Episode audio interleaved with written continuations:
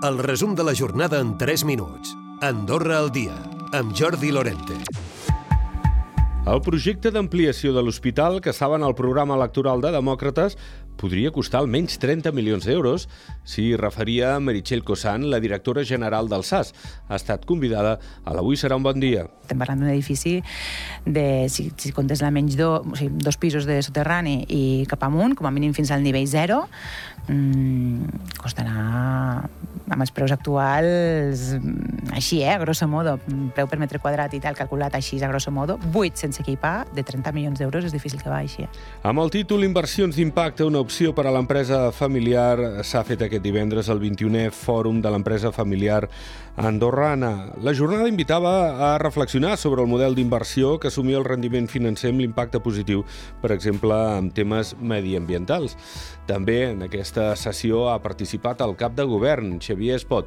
S'ha referit a aquesta situació que es viu al voltant de l'increment dels sous en vista al 2024. Ha dit que els sindicats haurien de ser més prudents, baixar una mica les pretensions. Ha passat d'un posicionament l'any passat on, on, on només volien incrementar el salari mínim a un posicionament aquest any on no només accepten l'increment del salari mínim, sinó que fan una proposta concreta. En canvi, els sindicats l'any passat demanaven la tretzena paga i continuen demanant la tretzena paga. No? S'acaba el temps i, per tant, doncs, potser partint d'aquesta proposta d'increment salarial per l'any que ve, sense pensar potser en els propers 4, ja, 4 anys, si ells també doncs, fossin capaços d'entrar en aquesta proposta i de fer algun tipus de contraproposta, jo crec que potser seria més fàcil d'arribar a un acord. I un total de 397 persones han demanat el vot per correu en vista les eleccions comunals del pròxim 17 de desembre.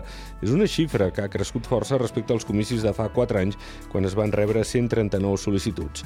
Algunes d'aquestes sol·licituds, la majoria, arriben d'Espanya i França, però també de Portugal, els Estats Units, Irlanda o Austràlia i han detingut dos homes de 36 i 37 anys per una baralla.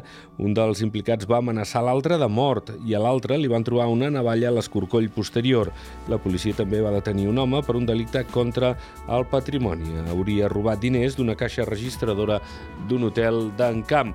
Jordino Arcalís ha obert pistes aquest divendres. Durant el cap de setmana també tindrà obert.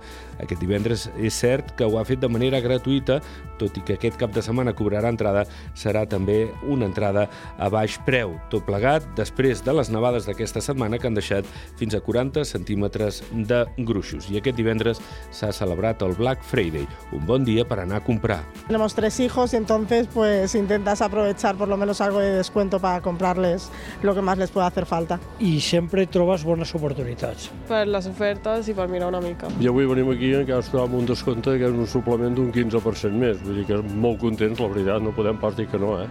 La Creu Roja ha tancat les campanyes de sang d'enguany amb més donacions. Se n'han fet 5 campanyes en les quals han participat 1.500 donants, 234 de nous. Recupera el resum de la jornada cada dia a AndorraDifusió.d i a les plataformes de podcast.